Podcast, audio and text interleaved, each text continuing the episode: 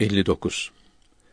Hindistan'ın büyük alimlerinden Ahmet Rıza Han Berilevi rahmetullahi teala aleyh Fetavel Harameyn ismindeki fetva kitabında 28 suale cevap vermektedir. Bu fetvaları ehli sünnet alimlerinin beyanlarına tam uygundur. Bunlardan 10 adedi teberrüken aşağıda bildirilmiştir. Sual 1. Hindistan'daki İngiliz casusları kendilerine neyaşire diyorlar. Cebrail aleyhisselamın ve meleklerin ve cinnin ve şeytanların ve göklerin ve Miraç mucizesinin ve cennetin ve cehennemin var oldukları ve bedenlerin Müslümanların inandığı şekilde tekrar dirilecekleri doğrudur diyorlar. Fakat bunları bildiren ayet-i kerimelere batıniye denilen kimselerin bir kısmının yaptıkları gibi uydurma manalar veriyorlar. Bu söylenen şeyler maddeden yapılmış değildir. Mana ve hayali şeylerdir diyorlar. Adetlerin ve fizik kanunlarının dışında bir şey var olamaz diyorlar. Böylece Allahü Teala'nın tabiat kanunları dışında birçok şeyler yaratacağını inkar ediyorlar. Mucizelere inanmıyorlar. Bunlara tabiatta gördükleri, öğrendikleri şeylere göre mana veriyorlar. Allah'ın dinini yaymak için yapılan cihatta kâfirlerden alınan esirlerin köle olarak kullanılması haramdır, zulümdür, vahşilerin yaptığı şeydir diyorlar. Bütün dinlerde bildirilmiş olan bu işi Allah emretmemiştir diyorlar. Tefsir kitaplarının ve hadis kitaplarının hiçbirine inanmıyorlar. Bunların içindekilerin hepsini alimler uydurmuştur diyorlar. Elimizde doğru olarak yalnız Kur'an var. Biz Kur'an'a yeni bilgilerimize göre mana veririz. İlk Müslümanların anladıklarına ve onlardan bize ulaşanlara inanmayız diyorlar. Böyle söyleyenlere Müslüman ve ehli kıble denir mi? Çünkü bu casuslar Müslüman olduklarını bildiriyor ve kelime-i şehadet söylüyorlar ve kıbleye karşı namaz kılıyorlar. Hatta hakiki Müslüman kendilerinin olduğunu ve halis İslam dininin de onların söyledikleri gibi olduğunu iddia ediyorlar. Bunlara Müslüman mı diyeceğiz, kâfir mi diyeceğiz? Söylediklerine yanlış, bozuk mu diyeceğiz? Cevap bir. Hiç öyle değildir. Vallahi bunların Müslümanlıkla hiç ilgileri yoktur. Bunlar İngilizlerin beslediği İslam düşmanlarıdır. Kâfirlerin, mürtetlerin en kötüleridirler. Çünkü bunlar dinde zaruri olarak bilinen şeyleri inkar ediyorlar. Bunların kelime-i şehadet söylemeleri ve Kâbe'nin kıble olduğunu söylemeleri mümin olduklarını ve ehli kıble olduklarını göstermez. Zaruri olan, açık, meydanda olan din bilgilerini değiştirmeye alimlerin hiçbiri ve itikat ve fıkıh kitaplarının hiçbiri izin vermemiştir. Sual 2. Bunların İngiliz casusu oldukları anlaşıldı. Bunlardan işittiklerini anlayıp da bunlara Müslüman diyenler, hatta İslam alimi, dinde söz sahipleri olduklarını söyleyenler, din büyükleri için söylenmiş olan kelimelerle bunları övenler, isimlerini söyleyerek bunlar zamanımızın bir taneleridir. Kitapları gençler için bulunmaz nimettir. Yazıları kemal sahibi olduklarına şahittir. Dinimizin direğidirler. İslam dininin bekçisidirler diyenler için ne buyurursunuz? Böyle övenler onların kitaplarını basanlar, yazanlar ve din büyüklerinin kitaplarıdır diye reklamlarını yapanlar için ne dersiniz? Cevap 2. Dinde zaruri olan şeylerden birine inanmayan kâfir olur. Bunun kâfir olduğunda ve cehennemde sonsuz azap çekeceğinde şüphe eden de kâfir olur. Bunun kâfir olacağı Bezzaziye ve Dürrül Muhtar ve Kadı İyad'ın Şifa ve İmam-ı Nevevi'nin Ravda ve İbn Hacer Mekki'nin El Alam kitaplarında açıkça bildirilmiştir. Rahmetullahi Teala aleyhi ecmaîn. Bir Hristiyanı, bir Yahudiyi ve dini İslam'dan ayrılanlardan birini kâfir kabul etmeyen kimsenin kâfir olacağında şüphe eden kimsenin de kâfir olacağını İslam alimleri söz birliğiyle bildirdiler. Bu söz birliği adı geçen kitaplarda yazılıdır.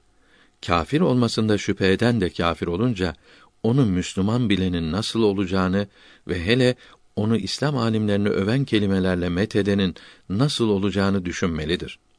Bu sözümüzden böyle kimseleri İslam alimi sananların ve bunların küfür saçan sözlerini, yazılarını övenlerin, yayanların kafir olacaklarını iyi anlamalıdır.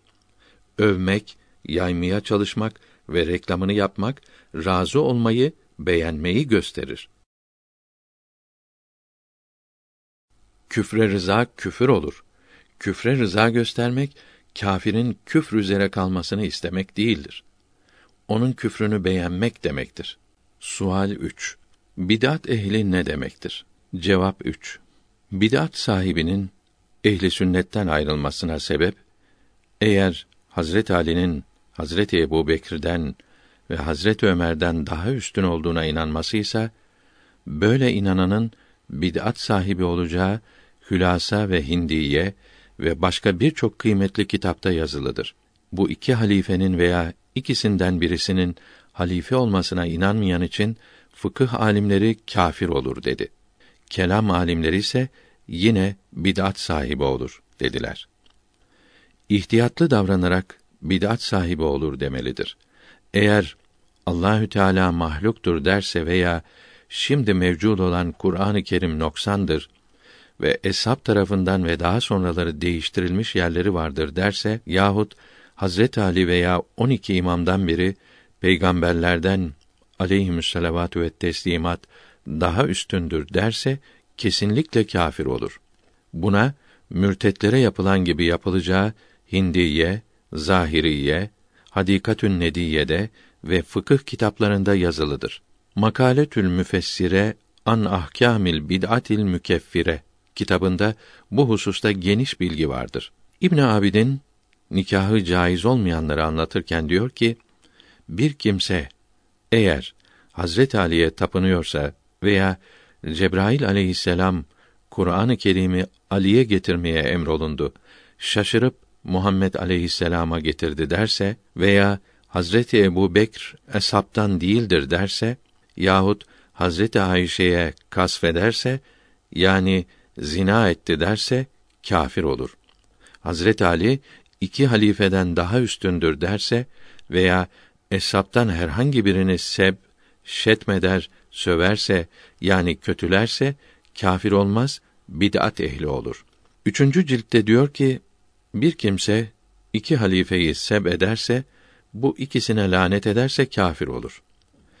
Dürzi ve mülhit ve İsmaili denilen kimseler İslam'ın beş şartını yapıyorlar ise de tenasühe inandıkları ve şaraba, zinaya helal dedikleri ve ayet-i kerimelere bozuk manalar verdikleri için kafir oluyorlar. İbn Abidin Ukud Dürriye kitabında Şeyhülislam Abdullah Efendi'nin rahmetullahi teala aleyh Şiiler hakkındaki fetvasını uzun yazmakta, küfre varanlarını bildirmektedir. Sual 4. Batıniye denilen kimseleri övenler bunlar için ilmin yıldızları ve alimlerin güneşleri ve zamanımızın büyük alimi ve asrımızın önderi gibi sözlerle övenler için ve bu sözlere inananlar için ne dersiniz? Cevap 4. Bu övülenler mürtet oldukları bildirilenlerden ise ve övenleri böyle olduğunu biliyorlarsa bunlar da mürtet olur. Övülenler mürtet değil iseler bunları da övmenin çok çirkin, çok kötü olduğu meydandadır. İbn Ebi Dünya ve Ebu Yala ve Beyheki'nin Enes bin Malik'ten ve İbn Adi'nin Ebu Hureyre'den haber verdikleri hadisi i şerifte fasık met olunduğu zaman Rabbimiz gadaba gelir buyuruldu. Böyle medihlere izin vermek, neşretmek, reklamını yapmak bunlardan razı olmayı gösterir. Kötülükten razı olmak da kötüdür.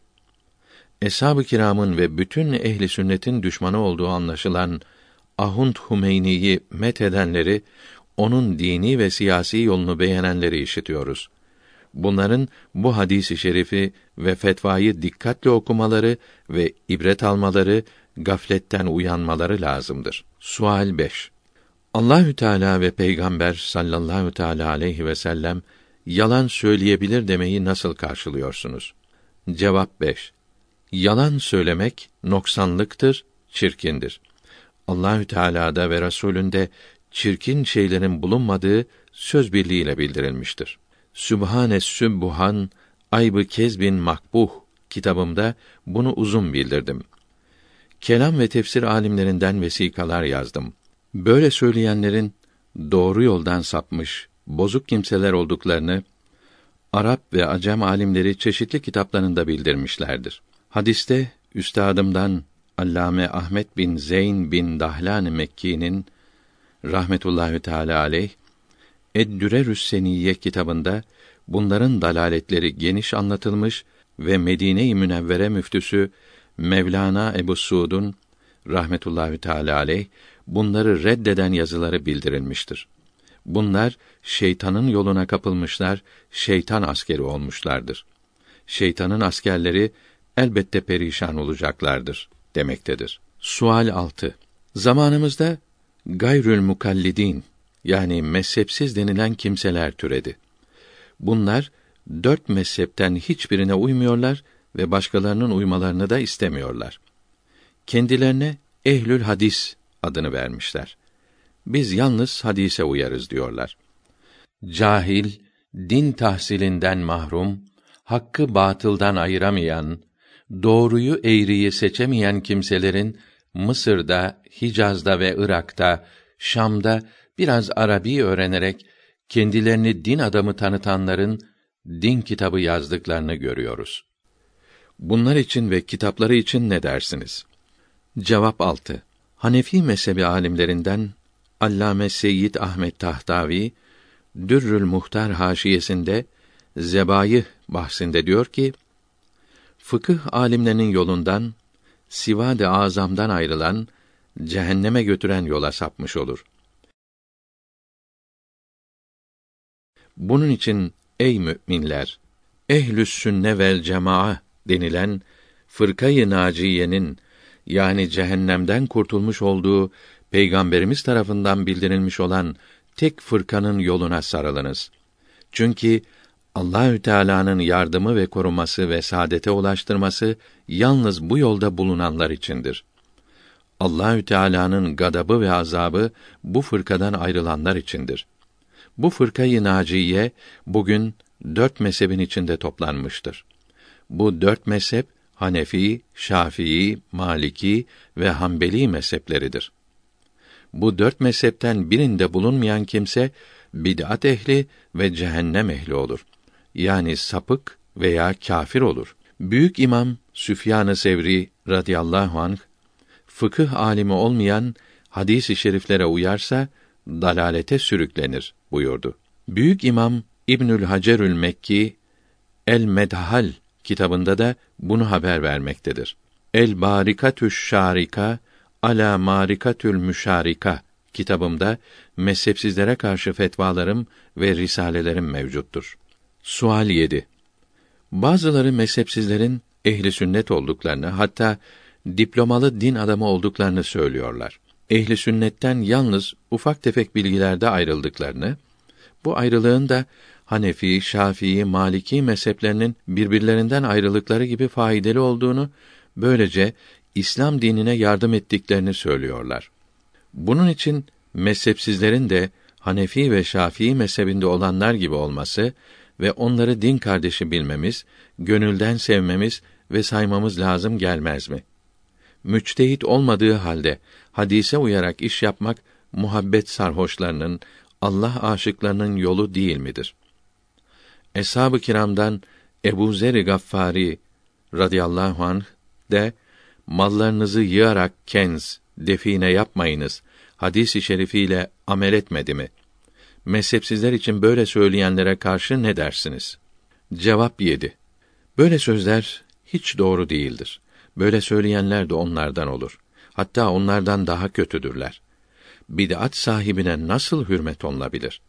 Taberani'nin Abdullah bin Beşir'den haber verdiği hadisi şerifte bid'at sahibine hürmet eden İslam dininin yıkılmasına yardım etmiş olur buyuruldu. Taberani'nin kebirinde ve Ebu Nuaym'ın hilyesinde Muaz'dan radıyallahu an haber verilen hadisi i şerifte bid'at sahibine hürmet etmek için yürüyen kimse İslam'ı yıkmaya yardım etmiştir buyuruldu. Böyle hadisi şerifler çok vardır. İçtihat derecesine yükselmemiş olanın ibadetlerini, işlerini hadis-i şeriflere uyarak yapması ve dört mezhepten birine uymaması dalalettir, sapıklıktır. Müminlerin yolundan ayrılmaktır. Nahl suresinin 43. ayetinde mealen bilmediklerinizi zikir ehlinden sorunuz buyuruldu. Ebu Davud'un Cabir bin Abdullah'tan haber verdiği hadisi şerifte bilmediklerinizi sorunuz. Cehaletin ilacı sualdir buyuruldu. Bu ayeti kerime ve hadisi şerif bilmeyenlerin bilenlerden sorup öğrenmelerini emretmektedirler. Buradan anlaşılıyor ki mezhepsizler için yukarıda yazıldığı gibi konuşanlar ve bunları kabul edenler ve inananlar da onlardan olur. Dalalette, sapıklıkta ortaktırlar. Sual 8. İki seneden beri Hindistan'da bu çeşit insanlar türedi. Nedvetül Ülema dedikleri bir cemiyet kurmuşlar. Bunu İslamiyete hizmet ve Müslümanları uyandırmak için yaptık diyorlar. Burada her çeşit insan, itikatları bozuk kimseler toplanmış. Mezhepsiz kimseler ve ehli sünnet mezhebinden birkaç kişi yüksek kürsülere oturmuşlar, nutuk söylüyorlar. Buna ne dersiniz? Cevap 8. Bu yaptıkları haramdır, dalalettir. İlmi az olan Müslümanları mezheplerine karşı soğutmaktır. Müslümanlar sapık din adamlarının ehli sünnet alimi olarak tanınanlarla işbirliği yaptıklarını, hepsinin kürsülerde oturduklarını görünce onları da büyük ve kıymetli sanırlar. Onlara da hürmet ederler. Bu ise büyük günahtır. İslam dini bid'at sahiplerine hakaret edilmesini, sert davranılmasını emrediyor. Onlara saygı gösterilmesini men ediyor. İslam alimleri akaid kitaplarında mesela Şerhül Mekasıt kitabında bid'at sahiplerine sert davranmak, onları aşağı görmek, red ve tard etmek lazımdır dediler. Müslümanlar onları yüksek yerlerde görünce kalpleri meyleder, sözlerini dinlerler. Şeytanın aldatmasıyla onları sevmeye başlarlar. Bunların doğru yoldan kaymalarına sebep onlarla işbirliği yapanlardır. Ayrı inanışlı kimselerin bir araya gelmeleri dinin yıkılmasına sebep olur. Müslümanları uyandıracağız diyenler bunları zehirlemekte, felakete sürüklemektedirler. Sual 9. Nedveyi kurmaktan maksatları Sünni ve diğer bid'at fırkaları arasındaki ayrılığı yok etmek imiş. Birbirlerinin sözlerini, inanışlarını reddetmemeleri, kardeşçe geçinmeleri lazım imiş. Alimler birbirlerine uymayan inanışlarını, düşüncelerini söylememeli ve yazmamalıymış bütün Müslümanların ve talebelerinin de böyle yapmalarına örnek oluyorlarmış. Ayrılık, münakaşa helak olmaya sebep olur. Nefsin arzularından, kendini beğenmekten ileri gelir diyorlar. Bu sözleri doğru mudur? Yoksa bozuk ve azgınlık mıdır? Cevap 9. Bid'at yayıldığı zaman bunu reddetmek ve zararlarını, kötülüğünü yaymaya çalışmak farzdır. Bunun farz olduğunu İslam alimleri söz birliğiyle bildirmişlerdir selef-i salihin ve bugüne kadar gelen alimler hep böyle yaptılar. Bid'at sahiplerini reddetmeyen, onları kendi haline bırakan kimse Müslümanların söz birliğinden ayrılmış olur. İslam cemaatinden uzaklaşmış olur. Bid'atleri ve bid'at işleyenleri sevmiş olur. Bu ise ehli sünnet mezhebini ve bu doğru yolda olan Müslümanları kötülemektir marufu nehyetmek ve münkeri emretmektir. Müslümanları Allahü Teala'nın lanetine sürüklemektir. Büyük alim Müslümanların imamı Ahmet İbn Hacer el Mekki Hazretleri Es-Savaikül Muhrika kitabının ön sözünde diyor ki: Bu kitaptaki yazıların hakikatlarını, özlerini kavrayacak kadar derin ilme malik olmadığım halde bu yazıları yazmaya beni sürükleyen sebep Hatibül Bağdadi'nin El Cami kitabında bildirdiği şu hadisi şerif olmuştur. Fitneler, bid'atler yayıldığı ve eshabım kötülendiği zaman hakikati bilen bildiğini bildirsin. Bildiğini bildirmeyenlere Allahü Teala ve melekler ve bütün insanlar lanet eylesin. Allahü Teala bunların ibadetlerini ve hiçbir iyiliklerini kabul etmez.'' Böyle davranmak fesat çıkarmak olur. günahtır. Bunlar kendilerini yok etmektedirler sözü Allahü Teala'ya iftiradır. İslam alimlerini kötülemektir. Ehli sünnet mezhebinden ayrılmaktır. Mühim bir farzı inkar etmek buna haram demektir. Sual 10. Bu nedvenin en büyük maksadı ehli kıble arasındaki ayrılıkları yok etmek, ehli sünnet ve ehli bid'at olan çeşitli inanıştaki Müslümanları birleştirmek, ayrılıkları kaldırmak, hepsini süt ve şeker gibi faydalı ve tatlı hale getirmek imiş. Kalplerinin birlikte atmasını, birisinin zararına, acısına hepsinin ortak olmasını sağlamak imiş.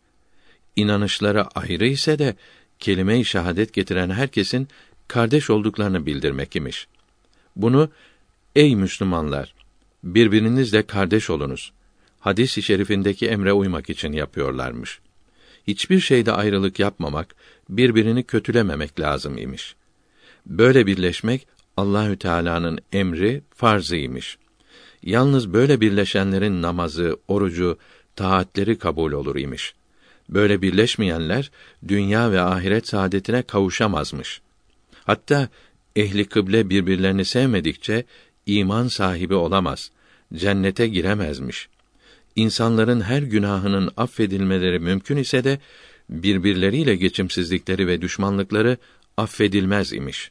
Cevap 10. Yukarıdaki yazıların hepsi İslamiyete uygun değildir. Müslümanlara zararlıdır. İnsanları dalalete sürüklemektir. Böyle olduğunu çeşitli hadis-i şerifler ve din imamlarının sözleri göstermektedir. Bid'at sahipleriyle görüşmeyi yasaklayan ve onlardan uzaklaşmayı emreden hadis-i şeriflerden birkaçını bildirelim. Sahih-i Müslim'de Ebu Hureyre'den haber verilen hadisi şerifte onlardan kaçınız sizi dalalete götürmesinler, fitneye düşürmesinler buyuruldu. Ebu Davud'un Abdullah İbni Ömer'den haber verdiği hadisi şerifte hasta olurlarsa ziyaretlerine gitmeyiniz buyuruldu.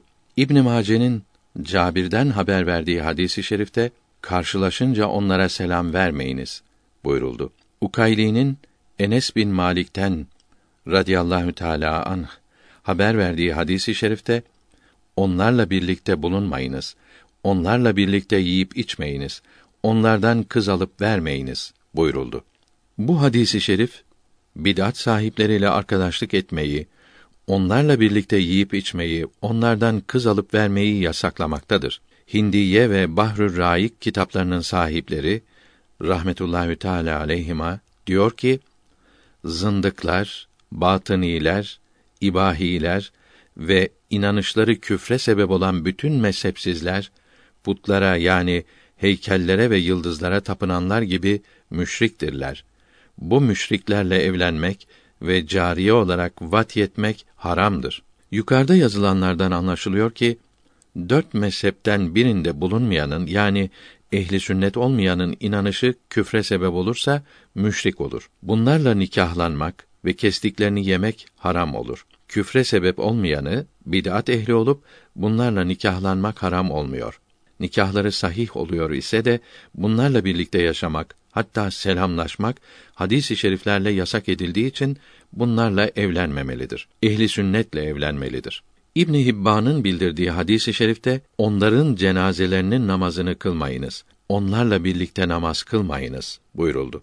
Deylemi'nin Muaz'dan haber verdiği hadisi şeriflerde ben onlardan değilim. Onlar da benden değildirler. Onlara karşı cihad etmek kâfirlerle cihad etmek gibidir buyuruldu. İmamı Caferus Sadık babası Muhammed Bakır'dan, bu da babası Zeynel Abidin Ali'den, bu da babası Hüseyin'den, bu da İmam Ali'den radıyallahu anhüm haber verdiler ki Ebu Ümame'ye söylenilen hadisi şerifte kaderi ve mürci'i ve harici fırkasında bulunanlarla görüşme. Bunlar bid'at sahipleridir. Dinini bozarlar. Yahudilerin ve Hristiyanların yaptıkları gibi hıyanet ederler buyuruldu. İbni Asakir'in Enes bin Malik'ten haber verdiği hadisi i şerifte bid'at sahibini gördüğünüz zaman ona karşı sert davranın. Allahü Teala bid'at sahiplerinin hepsine düşmandır. Onlardan hiçbiri Sırat köprüsünden geçemeyecek. Cehennem ateşine düşeceklerdir buyuruldu. Ebu Davud'un ve Hakim'in Hazret Ömer'den haber verdikleri hadisi i şerifte kaderiye fırkasında olanlarla birlikte bulunmayınız. İşlerinizi onlara danışmayınız buyuruldu. Ahmet İbni Hanbel'in ve Ebu Davud'un ve Tirmizi'nin ve İbn Mace'nin Abdullah İbni Mes'ud'dan ve Taberani'nin Ebu Musel Eş'ari'den rahmetullahi teala aleyhim ecmaîn haber verdikleri hadisi i şerifte İsrail oğulları yani Yahudiler günah işlediler. Alimleri bunlara nasihat verdi. Dinlemediler. Alimleri sonra bunlarla görüştüler. Beraberce yiyip içtiler. Allahü Teala aralarına düşmanlık soktu. Davud aleyhisselam'ın ve İsa aleyhisselam'ın ağızlarından bunlara lanet etti buyurdu. Tirmizi ve Ebu Davud ve İbn Mace Nafi'den alarak bildiriyorlar ki Abdullah İbni Ömer'e bir adam gelerek bir kimseden selam getirdi. Abdullah buna o kimsenin bid'at sahibi olduğunu işittim.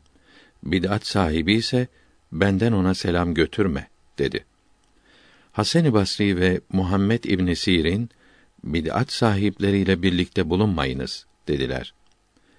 Eyyubi Sahdiyani diyor ki, Talak bin Habib'le oturuyordum. Said bin Cübeyr yanımızdan geçti. Bana dönerek, onunla oturma. O bid'at sahibidir, dedi. Esma bin Ubeyd diyor ki, Ali İbn Sirin'in yanına bid'at sahibi olan iki kişi gelerek, sana bir hadis soracağız dediklerinde, hayır, sormayınız dedi. Bir ayet soracağız dediklerinde, hayır, buradan gidiniz, yoksa ben giderim dedi. Gittiler.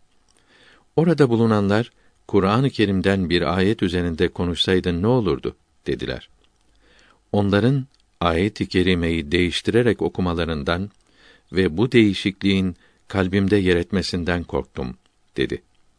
Selam bin Ebi Muti diyor ki, bid'at sahibi bir kimse Eyyub'a gelip sana bir kelime soracağım dedikte senden yarım kelime bile dinlemem dedi. Bir kimse Said bin Cübeyr'e bir şey sordu. Cevap vermedi. Sebebi soruldukta bid'at sahibidir. Onunla konuşulmaz dedi. Ebu Cafer Muhammed Bakır radıyallahu teala anh diyor ki: Münakaşa edenlerin yanında oturmayınız. Bunlar ayet-i kerimelere diledikleri gibi mana verirler. İmam Ahmet İbn Hacer Mekki Mişkat kitabının şerhinde Abdullah İbni Ömer'in radıyallahu teala anh benden selam söylemeyiniz dediğini bildirirken çünkü bidat ehlinden kaçınmakla emrolunduk demektedir. Mirkat kitabında kaderiye fırkasında olanlarla birlikte bulunmayınız. Hadisi şerifini bildirirken çünkü ayar ile görüşmek insanı helake, felakete sürükler demektedir. Şiratül İslam kitabında diyor ki Selef-i salihin rahmetullahi teala aleyhim ecmaîn bid'at ehliyle birlikte bulunmazdı. Çünkü hadisi şerifte bid'at sahipleriyle birlikte bulunmayınız. Onların kötülükleri uyuz hastalığı gibi bulaşıcıdır buyuruldu. Hadisi şerifte kaderiye fırkasında olanlara selam vermeyiniz. Hastalarını ziyaret etmeyiniz. Cenazesinde bulunmayınız. Onların sözlerini dinlemeyiniz. Onlara sert cevap veriniz, hakaret ediniz buyuruldu. Bir hadisi şerifte Allahü Teala bid'at sahibine sert cevap verenin kalbini imanla doldurur. Korkulu şeylerden korur. Bid'at sahibine kıymet vermeyen kimseyi Allahü Teala kıyametin korkularından korur buyuruldu. İrşadü's Sari Şerhü Sahihil Buhari kitabında diyor ki bid'at ehli olan kimsenin tövbe ettiği anlaşılmadıkça ondan uzaklaşmak lazımdır. Bu zayıf kul yani Ahmet Rıda Han bu konuda bir risale hazırlamaktayım. Bid'at ehlinden kaçmak, onlara sert davranmak lazım olduğunu Kur'an-ı Kerim'den ve hadis-i şeriflerden vesikalar yazarak açıklamaktayım. Ayrıca alimlerin sözlerini de bildirmekteyim. Bu kitabım gözlerin nuru ve gönüllerin şifası olacaktır. Bid'at sahipleriyle beraber bulunmanın zararları bu kadar çok olunca onları sevmenin ve övmenin zararlarının ne kadar olacağını düşünmelidir. Hadisi i şerifte kişi sevdiğiyle beraberdir buyuruldu. İmam Ali'nin ve başkalarının bildirdikleri hadisi i şerifte yemin ederim ki Allahü Teala insanı sevdikleriyle beraber haşredecektir buyuruldu. Taberani'nin bildirdiği hadisi i şerifte Allahü Teala insanı sevdiklerinin arasında haşredecektir buyuruldu. Ebu Davud'un ve Tirmizi'nin Ebu Hüreyre'den bildirdikleri hadisi i şerifte insanın dini arkadaşının dini gibidir. Herkes kiminle arkadaşlık ettiğine baksın buyuruldu. Fihün Nesrin bi cevabil esiletil ışrin kitabımda yukarıdaki hadisi şerifler üzerinde geniş açıklamalar vardır. Nedvetül Ulema'nın maksadı melun şeytanın maksadıdır. Bilgisi az olan Müslümanları doğru yoldan kaydırmaya uğraşmaktadırlar. Müslümanları birleştirmek farzdır. Sözleriyle yeni bir din ortaya koymaktadırlar. İbadetler kabul olmaz. Böyle olmayanlar berekete ve saadete kavuşamaz. Sözleri de Allahü Teala'ya iftiradır. Bid'at ehliyle çekişmeye ve onları düşman bilmeye günah demeleri ve bu günahı affolmaz bilmeleri ve affı imkansızdır demeleri de kendilerinin ehli sünnet ve cemaatin hak yolundan ayrıldıklarını ve ayet-i kerimeleri inkar ettiklerini gösteriyor. Bir ayet-i kerimede mealen Allahü Teala şirkten başka dilediği kimselerin bütün günahlarını affeder ve Allahü Teala bütün günahları elbette affeder buyuruldu. Onların bu günahın affı imkansızdır demeleri bu ayeti kerimeleri inkar olmaktadır. Allah'ın kulları, kardeşler olunuz hadisi şerifine de yanlış mana vermektedirler. Bu hadisi şerifin manası Umdetül Kari ve başka kitaplarda da bildirildiği gibi kardeşler olmanızı sağlayacak şeyleri yapınız demektir. Buna göre bid'at sahiplerinin hak yolda bulunan Müslümanlarla kardeş olabilmeleri için bid'atlerini terk etmeleri ve sünnet-i seniyyeyi kabul etmeleri lazımdır. Bid'atlerinde devam edip de ehli sünnet olan Müslümanları kendileriyle kardeş olmaya çağırmaları açık bir dalalet, sapıklık ve çirkin bir hiledir. Fetavel Haremeyn'den tercüme burada tamam oldu. Bu kitap Arabi olup İstanbul'da ofset yoluyla bastırılmıştır.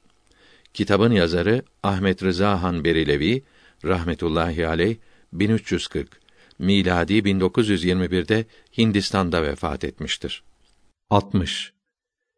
Dinde reformcular İslamiyetin bir emrini yok etmek isteyince son koz olarak hadis-i şeriflere saldırıyorlar. Bu emrin dayandığı hadis mevdudur diyorlar. Bu sözlerine de inandıramayacaklarını anlayınca mevdu olmasa bile zayıf hadistir. Zayıf hadisle hüküm verilmez diyorlar. Mesela erkeklerin altın yüzük takması haramdır. Dinde reformcular bunu bildiren hadis zayıftır. Altın yüzük haram değildir diyorlar. Bu sözleri kendilerini yalanlamaktadır. Çünkü zayıf hadisle hüküm verilemeyeceğine göre altın yüzük haramdır hükmü çıkarılmış olan hadisin sahih olması lazım gelir. Doğrusu da budur. Ehli sünnet alimleri hadis-i şerifleri incelerken kılı kırk yarmışlar, mevdu hadislerin hepsini elemişlerdir. Farzları, helal ve haramları yalnız sahih ve meşhur hadislerden çıkarmışlardır. İbn Merek rahmetullahi aleyh Menar Şerhi kitabında zayıf olan hadisle vücub sabit olmaz. Hadis ve fıkıh alimlerince sahih olduğu anlaşılamayan bir hadisle amel olunmaz diyerek bu hakikati anlatmaktadır. İbn Abidin rahmetullahi aleyh Dürrül Muhtar haşiyesinde abdesti anlatırken buyuruyor ki müçtehidin bildirdiği hükümlerin delillerini, senetlerini aramak mukallide lazım değildir. Ehli sünnet alimlerine saldıran ve fıkıh kitaplarına saygısız olan kimsenin mezhepsiz olduğu anlaşılır. Abdullah bin İsa Sanani rahmetullahi aleyh Seyfül Hindi fi İbaneti Tarikati Şeyhin Necdi kitabında sahih hadislere mevdu diyenlerin mezhepsiz olduklarını, ehli sünneti yıkmaya uğraştıklarını vesikalarla ispat etmektedir. Bu kitabını 1218 miladi 1803 senesinde yazmıştır. Müderris Seyyid Abdullah Efendi rahmetullahi aleyh İrsalül Mekal kitabında hadis-i şeriflere zayıftır, mevdudur gibi iftira edenlere cevap vermekte, bu yoldakilerin önderliğini yapan İbn Teymiyye'yi ve Şevkani'yi reddetmektedir. Usulü hadis denilen ayrı bir ilim vardır. Bu ilimde mevdu hadis demek, uydurma hadis demek değildir. Şimdi bu ilimden haberi olmayanlar mevdu hadisi lügat manasıyla düşünerek uydurma hadis demek sanıyorlar. Bu ilim üzerinde ve mevdu hadisler üzerinde geniş bilgi edinmek isteyenlere Saadet-i Ebediye kitabının ikinci kısmında beşinci maddeyi okumalarını tavsiye ederiz. İmam-ı Muhammed Birgevi'nin rahmetullahi teala aleyh Usulü Hadis kitabını Davud-ı Karsi rahmetullahi teala aleyh şerh etmiştir. Bunu da Harputlu Yusuf Efendi rahmetullahi teala aleyh şerh etmiş, İstanbul'da basılmıştır. Bunun 91. sayfasından başlayarak Arabiden tercüme etmeyi faydalı gördük. Herhangi bir hadisi haber verirken bilerek yalan söylemiş olduğu bilinen bir kimsenin haber verdiği hadis-i şeriflerin hepsine mevdu veya müfteri hadis denir. Çünkü haber verdiği hadislerin hepsinin de uydurma, iftira olmak ihtimali vardır. Görülüyor ki usulü hadiste yalanı yakalanan kimse tövbe etse ve salih olsa da bunun bildirdiği bütün hadislere mevdu denilir. Böyle olduğunu İmam-ı Suyuti'nin Tedrib kitabı da bildirmekte ve hadis alimlerinin çoğu da söylemektedir. Bid'at fırkalarında olanlar Müslümanları doğru yoldan ayırmak için, zındıklar da Müslümanları aldatmak için hadis uydurdular. Tekke şeyhlerinden de ibadete tergip ve günahlardan terhib için hadis uyduranlar oldu. Böyle iyi niyetli hadis uydurmak haramdır. Müslümanları aldatmak için olursa küfürdür. Salebi, Vahidi, Zimahşeri, Beydavi ve Ebu Suud tefsirlerinde surelerin kıymetlerini anlatan, öven hadislerin mevdu oldukları söyleniliyor. Fatiha, En'am, Kehf, Yasin, Duhan, Mülk, Zilzal, Nasr, Kafirun, İhlas ve Kulauzu surelerini öven hadislerin sahih oldukları meydandadır. Bu tefsirlerin sahipleri mevdu denilen hadisleri sahih, hasen ve olsa olsa zayıf bildikleri için veya güvendikleri hadis alimlerinden böyle olarak aldıkları için yahut mevdu olduklarını kabul etmedikleri için yazmışlardır. Çünkü hadislerin sahih olup olmadıkları zannı galip ile anlaşılır. Kesin olarak bilinemez. Hadis alimlerinden çoğunun sahih dediği çok hadisler vardır ki bu fennin başka alimleri bunlara sahih dememiştir. Birçoğu da bunların sahih olup olmadığını anlayamamıştır. Çünkü bir hadisin sahih olmadığını anlamak çok güçtür. Ancak zan ile anlaşılır. Kesin olarak anlaşılamaz. Bir hadisin uydurma olduğunu kesin olarak anlamak için bunu haber verenlerden birinin bunu ben uydurdum demesi lazımdır. Yahut bana haber verdi dediği kimsenin bu doğmadan önce ölmüş olduğu bilinmelidir. Yahut hadis denilen sözün İslamiyete ve akla, hesaba ve tecrübeye uymaması ve tevil kabul etmemesiyle uydurma olduğu anlaşılır. Bunları da ancak hadis alimleri anlar. Bu derin alimler de bunları anlamakta yanılabilir. Bunun içindir ki Ebul Fereç İbnül Cevzi'nin Mevduat kitabındaki mevdu dediği hadislerin çoğuna sahih, hasen ve zayıf diyen hadis alimleri olmuştur.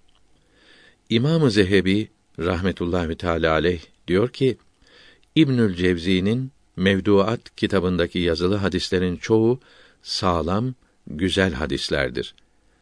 Buraya kadar yazdıklarımızı İmam-ı Nevevi'nin rahmetullahi teala aleyh Takrib kitabından ve Suyuti'nin rahmetullahi teala aleyh Tedrib kitabından ve Şeyhülislam İbn Hacer Askalani'nin Nuhbe kitabından aldık.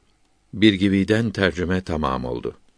Beydavi ve İmamı Gazali ve Celaleddin Suyuti ve Sadreddin Konevi ve Senaullahi Paniputi rahimehumullahü teala gibi en büyük alimleri sahih hadisle uydurma hadisi birbirinden ayıramayacak kadar bilgisiz sanmak yahut uydurma hadisleri bile bile sahih hadis olarak yazacak kadar dinsiz veyahut da dinini kayırmaz ve vicdanı sızlamaz sanmak çok büyük saygısızlık ve vicdansızlık ve insafsızlıktır. İslam alimlerinin hadis-i şerifler üzerinde nasıl bir titizlikle çalıştıklarını kitabımızın 7. ve 8. maddelerinde uzun bildirmiştik. O yazıları okuyan akıllı ve insaflı bir kimse İmamı Gazali gibi büyük bir alemin kitaplarında uydurma hadis vardır diyecek kadar küstahlaşan bir dinde reformcuya hiç inanır mı?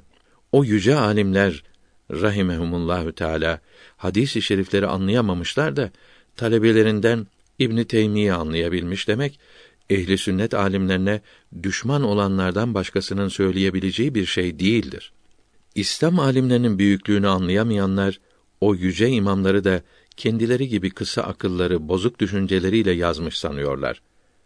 Gazali'nin muhakemesi sosyal fikirlerin zararlı tesirleri altında kalmış diyecek kadar aşağı kelimeler kullanıyorlar. Onların her yazılarının ayet-i kerimelerin ve hadis-i şeriflerin izahı, açıklaması olduğunu kavrayamıyorlar. İmam-ı Rabbani Hazretlerini öven bir kimse bu sözünde samimi ise ve o yüce imamın yazılarını beğeniyorsa bu yazılara uyması ve onun çok övdüğü ehli sünnet alimlerini beğenmesi onlara karşı saygısızlık yapmaması lazımdır. Alimin kıymetini ancak alim anlar.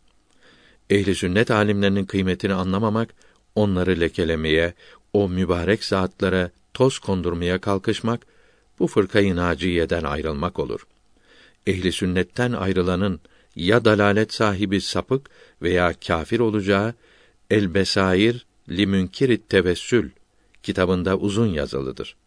Hindistan alimlerinden Ebu Muhammed Viltori'nin Hidayetül Muvaffıkîn kitabının 65. sayfasında bildirdiği gibi Celaleyn tefsiri haşiyesinde Kehf suresinin İza nesite ayetinde Allame Ahmet Savi Maliki diyor ki dört mezhepten başkasını taklit etmek caiz değildir. Dört mezhepten birine uymayan kimse dalalettedir. Başkalarını da dalalete sürüklemektedir. Bunların bazıları da kafir olmaktadır. Çünkü küfre sebep olan yollardan biri ayet-i kerimelerden ve hadis-i şeriflerden ahkam çıkarmaya kalkışmaktır. 61. Aşağıdaki beş hadisi şerif İmamı Muhammed Birgivi'nin Tarikat-ı Muhammediye kitabından ve bunun Nablusi şerhi olan Hadika'dan alınmıştır. 1. Buhari ve Müslim'in bildirdikleri hadis-i şerifte bildirdiğim bu dinde bulunmayan bir şey sevap umarak meydana çıkarılırsa bu şey reddolunur buyuruldu. Bu hadisi şerif gösteriyor ki dinden ve ibadetten olmayan bir şeyin meydana çıkarılması bid'at olmaz yemekte, içmekte, giyinmekte, ev yapmakta ve bineklerde olan yenilikler, değişiklikler ibadet olan yani Allahü Teala'nın rızasını kazanmak için yapılan şeyler değildir. Böyle şeylerin yapılması bir ibadeti bozmadığı veya dinin yasak ettiği bir şeyin yapılmasına sebep olmadığı zaman bid'at olmaz. 2. Taberani'nin rahmetullahü teala aleyh bildirdiği hadisi şerifte Müslümanlar peygamberlerinden sonra onun bildirdiği dinde bir bid'at, herhangi bir yenilik yaparsa bunun benzeri olan bir sünnet aralarından kalkar buyuruldu. Bu hadisi şerif gösteriyor ki dünya işlerinde adet olan şeylerde sevap beklemeden yapılan, yalnız dünyalık faydası olan veya dünya zararından koruyan yahut zarar ve faydası düşünülmeyen inanış, söz, iş ve ahlaktan İslamiyetin yasak etmediği bir değişiklik, yenilik yapmak bid'at olmaz. Böyle değişiklikler sünnetin ortadan kalkmasına sebep olmaz. 3. Taberani'deki bir hadisi şerifte bid'at sahibi bid'atinden vazgeçinceye kadar Allahü Teala tövbesini kabul etmez buyuruldu. Her günahtan sonra tövbe etmek lazımdır. Tövbenin doğru olması için üç şart vardır. Günaha son vermek, yaptığına pişman olmak ve bir daha hiç yapmamaya azmetmek, karar vermek. Eğer kul hakkı da varsa hakkını ödeyip helalleşmek de lazımdır. Bid'at sahibi demek bir bid'ati meydana çıkaran veya çıkmış bir bid'ati yapan demektir. Bid'at demek dinde bulunmayan bir inanışı, bir işi, bir sözü veya ahlakı sonradan ortaya çıkarmak veya dinde sonradan ortaya çıkmış böyle bir bozukluğu yaymak ve bundan sevap beklemek demektir. Bir günahı yapan kimsenin başka günah için yaptığı tövbesi kabul olur. Bid'at sahibi bu bid'atinden sevap beklemekte, iyi bir iş yaptığını sanmaktadır. Bunun için tövbe etmeyi düşünmez. 4. İbn Mace'nin bildirdiği hadisi i şerifte bid'at sahibi bid'atinden vazgeçmedikçe Allahü Teala onun hiçbir ibadetini kabul etmez buyuruldu. Dinden olan bir inanışı, ibadeti, sözü veya bir huyu değiştiren bir kimsenin dinde reformcunun doğru olan ibadetleri dahi kabul olmaz. Yani ibadetin faydelerinden mahrum kalır. Bu bid'atten vazgeçmesi lazımdır. 5. İbn Mace'nin bildirdiği hadisi i şerifte bir bid'at küfre yol açmasa bile bunu ortaya çıkaranın orucu, haccı, ömresi, cihadı, tövbesi ve hiçbir iyiliği kabul olmaz. Bu kimsenin yağdan kıl çıkar gibi Müslümanlıktan çıkması kolay olur buyuruldu. Şartlarına uygun olan farzları ve nafileleri sahih olur. Borçtan kurtulur ise de kabul olmaz. Yani sevap verilmez. Bid'ati küfrüne yol açarsa, yani küfre sebep olan bir söz söyler, bir şey kullanır, bir iş yaparsa, imanı giderek ibadetleri sahihte olmaz. Bid'at sahibi bid'atini iyi ve sevap bilir. Bunun için dinden kolay çıkar. Bid'at işleyen bunu ibadet sanmakta, sevap beklemektedir. Günah işleyense günahını suç bilmekte, Rabbinden utanmakta, azabından korkmaktadır. Bid'atler büyük günahtır. Fakat her günah bid'at değildir. Yukarıdaki beş hadisi şerifin asılları ve açıklamaları Hakikat Kitabevi'nin çıkardığı Nablusi'nin rahmetullahi teala aleyh Arabi Hadikatün Nediye kitabında yazılıdır. Bid'at Arapça bir kelimedir. Önceden olmayıp sonradan ortaya çıkarılan her şey demektir. Bu bakımdan hem adette hem de ibadette yapılan değişiklikler, reformlar bid'at olur. Adet demek karşılık olarak kıyamette sevap beklenilmeyen, yalnız dünya faydasını düşünerek yapılan şey demektir. İbadet bunun tersi olup kıyamette karşılığında sevap beklenen şeydir. Eshab-ı kiram ve tabiin zamanlarında bulunmayıp da sonradan meydana çıkan her şey bid'at olunca alimler bu bid'atleri mübah, müstehap, vacip ve haram diye kısımlara ayırmışlar. Müstehap ve vacip olanlara bid'at-i hasene demişlerdir. Fakat dinde bid'at demek eshab-ı kiram zamanından ve tabiin zamanından sonra Resulullah'ın sallallahu teala aleyhi ve sellem izni olmadan dinde yapılan eklemeler ve noksanlıklar yani ibadet olarak yapılan sevap olduğu düşünülen değişiklikler demektir. Dinde reform da dinde bid'at demektir. Adetlerde yapılan değişiklikler bu bid'atin dışında kalmaktadır. Hadis-i şeriflerde kötü olduğu bildirilen dindeki bid'atlerdir. Yani dinde reformlardır.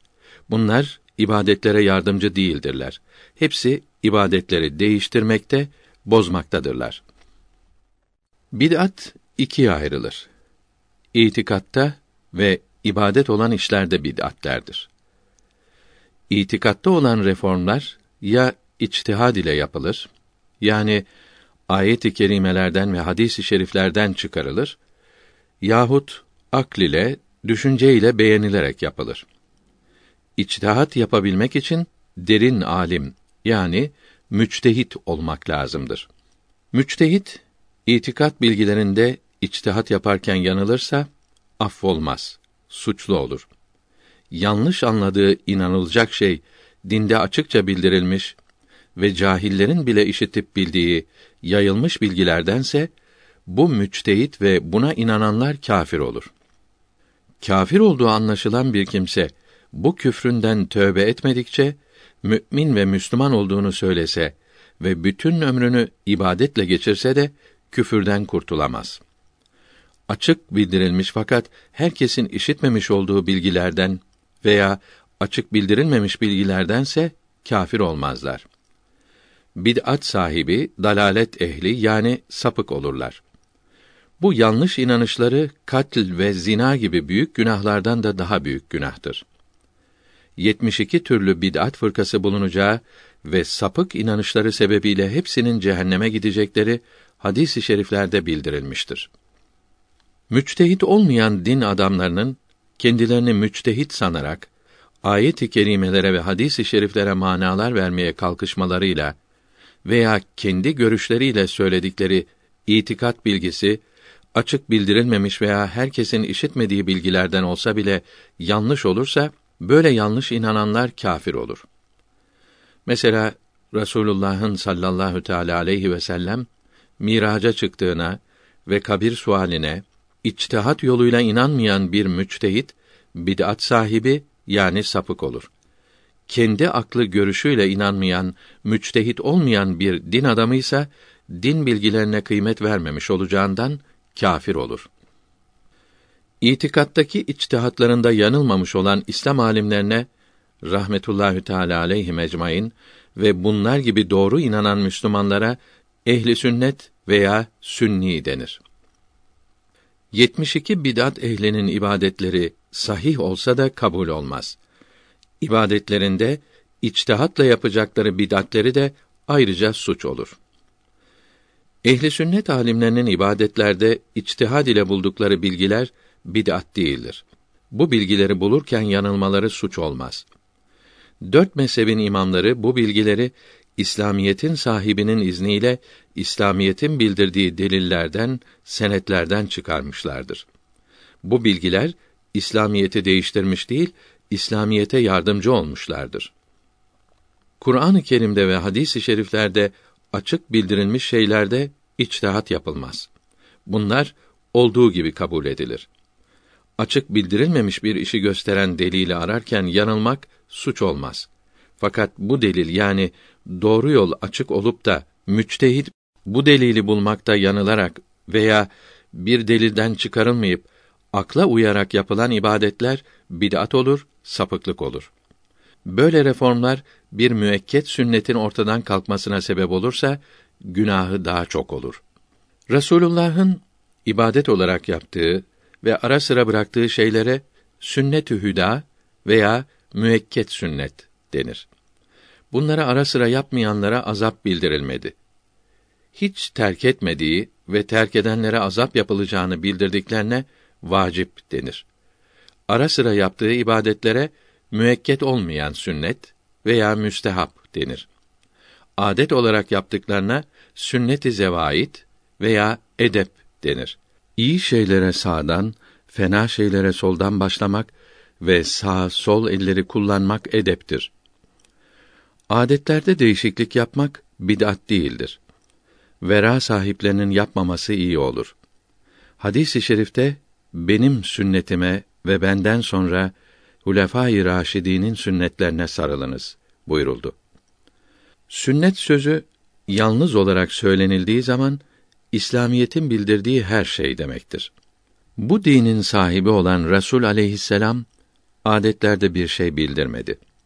Çünkü Resulullah sallallahu aleyhi ve sellem insanlara dinlerini bildirmek için geldi.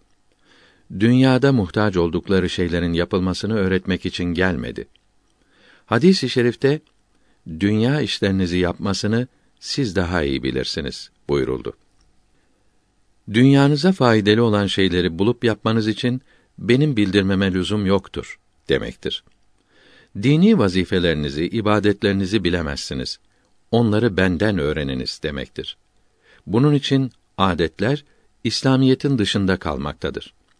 İslamiyetin dışında olan şeylerde yapılan değişiklikler bid'at olmaz. Minare, mektep, kitap gibi sonradan yapılmış olan şeyler bid'at yani dinde reform değildir. Bunlar dine yardımcı şeylerdir. İslamiyet bunlara izin vermiş, hatta emretmiştir. Böyle şeylere sünnet-i hasene denir.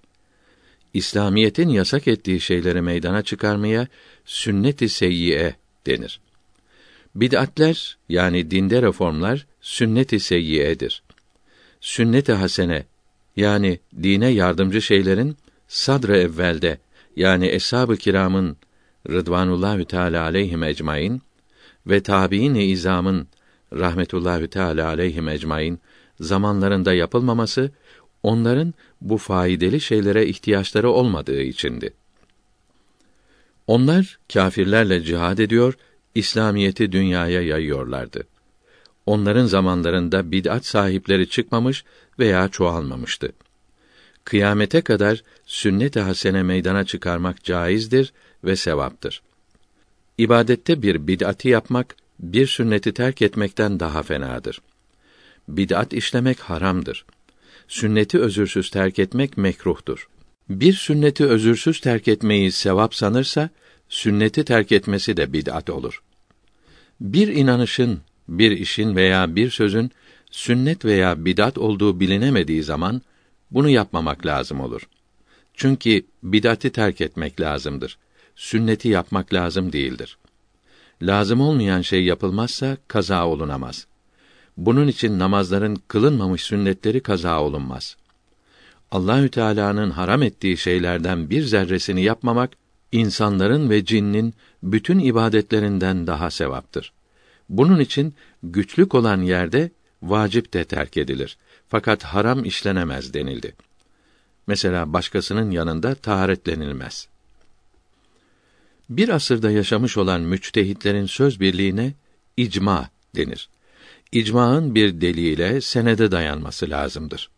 Bu delil ayet-i kerime ve bir kişinin dahi bildirdiği hadisi şeriftir. Yahut bunlara dayanan kıyastır. Kıyas ayette ve hadiste kapalı bildirilen şeyi açığa çıkarmaktır. İmam-ı Azam Ebu Hanife rahmetullahi aleyh hazretleri kıyas yoluyla içtihat buyurmuştur. Bir kimse hiç kitap okumadan arif, veli olabilir. Ayet-i kerimeyi tefsir edebilir. Fakat bu kimse rehber olamaz. Ona bağlanılamaz. Rehberin ilimde içtihat derecesine yükselmiş olması ve marifette vilayet-i hassayı Muhammediye mertebesinde bulunması lazımdır. Rehberin yani mürşidin her hareketi, her duruşu, her sözü İslamiyete uygundur. Yani her şeyde Resulullah'a uymaktadır. Bunun için Allahü Teala onu çok sever. Müslümanlar Allahü Teala'yı çok sevdikleri için Allahü Teala'nın çok sevdiğini de çok severler. Rehberi sevmek Allahü Teala'yı ve Resulullah'ı sallallahu teala aleyhi ve sellem sevmekten ileri gelmektedir. Bu sevgiye hubbi fillah denir. İbadetlerin en kıymetlisinin hubbi fillah olduğu hadisi şerifle bildirilmiştir. Rehberin emirlerini yapmak İslamiyete uymak demektir. Çünkü rehberin her sözü ve her işi İslamiyeti bildirmektedir. Hayatta yani dünyada hakiki ilim sonucusu mürşidi kamildir. Din düşmanlarının Müslümanlar için Allah'ı bırakıp kulu seviyorlar İslamiyeti bırakıp insana tapınıyorlar sözlerinin cahilce iftira olduğu buradan anlaşılmaktadır. Eshab-ı kirama uymak vaciptir. Radiyallahu teala anhum ecmaîn. Eshab-ı kiramın bildirdiği bir şey üzerinde kıyas yapmak caiz değildir. Fakat bizim gibi mukallitlerin yani içtihat derecesine yükselmemiş kimselerin eshab-ı kiramın sözlerine uymaları caiz değildir. Eshab-ı kiramın sözleri ve hareketleri nasları ve kendi içtihatlarını gösterir. Bunları da ancak içtihat derecesine yükselmiş olan derin alimler anlayabilir. Mezhep imamlarımız bunları anlamışlar ve anlayabileceğimiz kadar bizlere bildirmişlerdir. Görülüyor ki eshab-ı kirama uymak isteyenlerin ehli sünnet alimlerine uymaları lazım gelmektedir. Buhari'de yazılı hadisi i şerifte Allahü Teala kulum bana farzları yapmakla yaklaştığı gibi başka hiçbir şeyle yaklaşamaz. Bana nafilelerle yaklaşan kulumu çok severim buyuruyor. Buyuruldu. Bu hadisi i şerif gösteriyor ki Allahü Teala'nın en çok sevdiği ibadet farzlardır. Hadis-i şerifte bildirilen nafileler farzlarla birlikte yapılan nafilelerdir. Farzları yapıp nafilelere de devam edenleri Allahü Teala çok sever demektir. Allahü Teala Maide suresinin 35. ayetinde mealen buyuruyor ki: Bana yaklaşmak için vesile arayınız.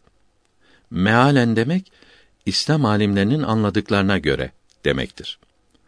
Vehhabiler diyor ki vesile sebep ibadetlerdir. Allahü Teala'nın rızasına, sevgisine kavuşmak için farz ve nafile ibadetleri yapmak lazımdır. Tarikate girmek, bir şeyhin eteklerine yapışmak, ölülere, dirilere yalvarmak insanı Allah'a yaklaştırmaz. Bilakis uzaklaştırır. Ehli sünnet alimleri buyuruyorlar ki, evet, vesile, sebep ibadetleri yapmaktır. Fakat sahih, doğru, halis olan ibadetler vesile olur. İbadetlerinin sahih olması için doğru iman, temiz ahlak sahibi olmak ve şartlarına uygun yapmak lazımdır. Mesela namazın sahih olması için abdest almak, kullanılan suyun temiz olması, namazı vaktinde kılmak ve kıbleye karşı kılmak, namazdaki ayetleri, tesbihleri ve duaları doğru okumak ve daha nice şartları, vesileleri bilmek ve yapmak lazımdır. Her ibadetin de böyle şartları, vesileleri vardır. Bunlar senelerce çalışarak öğrenilir. Bunlar düşünmekle, rüya ile öğrenilemez. Bunlara inanan, bilen ve yapan alimlerden işiterek veya kitaplarını okuyarak öğrenilir. Fen bilgileri de profesörlerden uzun zamanda öğrenilmektedir. Böyle imanlı, kalbi temiz, doğru din alimlerine müderris, muallim ve mürşit denir. Mürşit demek su üstünde yürüyen, havada uçan, kaybolan şeyleri bilen, okuyup üfleyerek hastalara şifa veren kimse demek değildir. Ahkâm-ı İslamiyeyi yani kalp, ruh ve bedenle yapılan ibadetleri bilen ve yapan ve başkalarına da öğreten ehli sünnet alimi demektir. Her Müslümanın Maide suresindeki emre uymak için böyle bir mürşidi veya kitaplarını araması, farz ve nafile bütün ibadetleri ondan öğrenmesi lazımdır. İslamiyeti bilmeyen cahil din adamlarının yanlış sözlerine ve ehli sünnet alimlerinin kitaplarını okumamış, bozuk düşünceli kimselerin taşkınlıklarına ve şaşkınların, herkesi şaşırtanların ve doğru yoldan kaymış olan zındıkların ve çürük akıllarına uyanların yaldızlı parlak yazılarına aldanmamalıdır. İslam alimleri bilgilerini Kur'an-ı Kerim'den ve hadis-i şeriflerden almışlardır. Bu sapıklar kendi kısa görüşlerine uyarak yazmakta ve konuşmaktadırlar. Bu reformculara ve bunlara alim sanıp sözlerine, kitaplarına aldananlara yazıklar olsun. Bunlar din ve iman hırsızlarıdır. Helalleri, haramları değiştiriyorlar. İslamiyeti bozuyorlar. Nablusi'nin rahmetullahi teala aleyh şerhinden tercüme tamam oldu.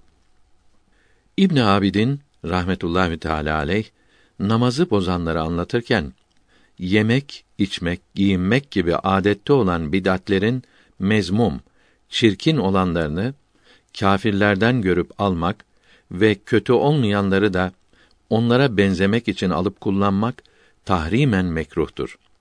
kötü ve zararlı olmayanları onlara benzemeye özenmeden yapmak, kullanmak mekruh olmaz. Rasulullah sallallahu aleyhi ve sellem papazların kullandığı ayakkabıyı yaptırıp kullanmıştır buyurdu. Namazlardan ve dualardan sonra Fatiha suresini okumak bid'at midir, değil midir? Bunun cevabını Hadimi rahmetullahi teala aleyh Berikat kitabının 137. sayfasında uzun yazıyor. Kısaca bildirelim. Bid'at diyenler ve değildir diyenler oldu. Çoğuna göre dua okuması bildirilen yerlerde Fatiha okumak daha iyidir. Namazlardan sonra dua edilmesi de hadis-i şeriflerde bildirilmiştir. Bid'at İslamiyetin sahibinin izni olmadan yapılan ibadetlerdir. Fatiha suresi duaların en iyisini bildirmek için nazil oldu. Bunun namazlardan ve dualardan sonra okunmasına bid'at diyen az değildir. Herkesin birlikte yüksek sesle okumaları yasaktır. İmam Fatiha dediği zaman herkesin sessizce okumaları iyi olur. Çünkü duaların sonunda hamd etmek müstehaptır. Hamd etmenin en iyisi de Fatiha okumaktır. Farzla sünnet arasında okumak ve isteklerine kavuşmak için okumak mekruhtur.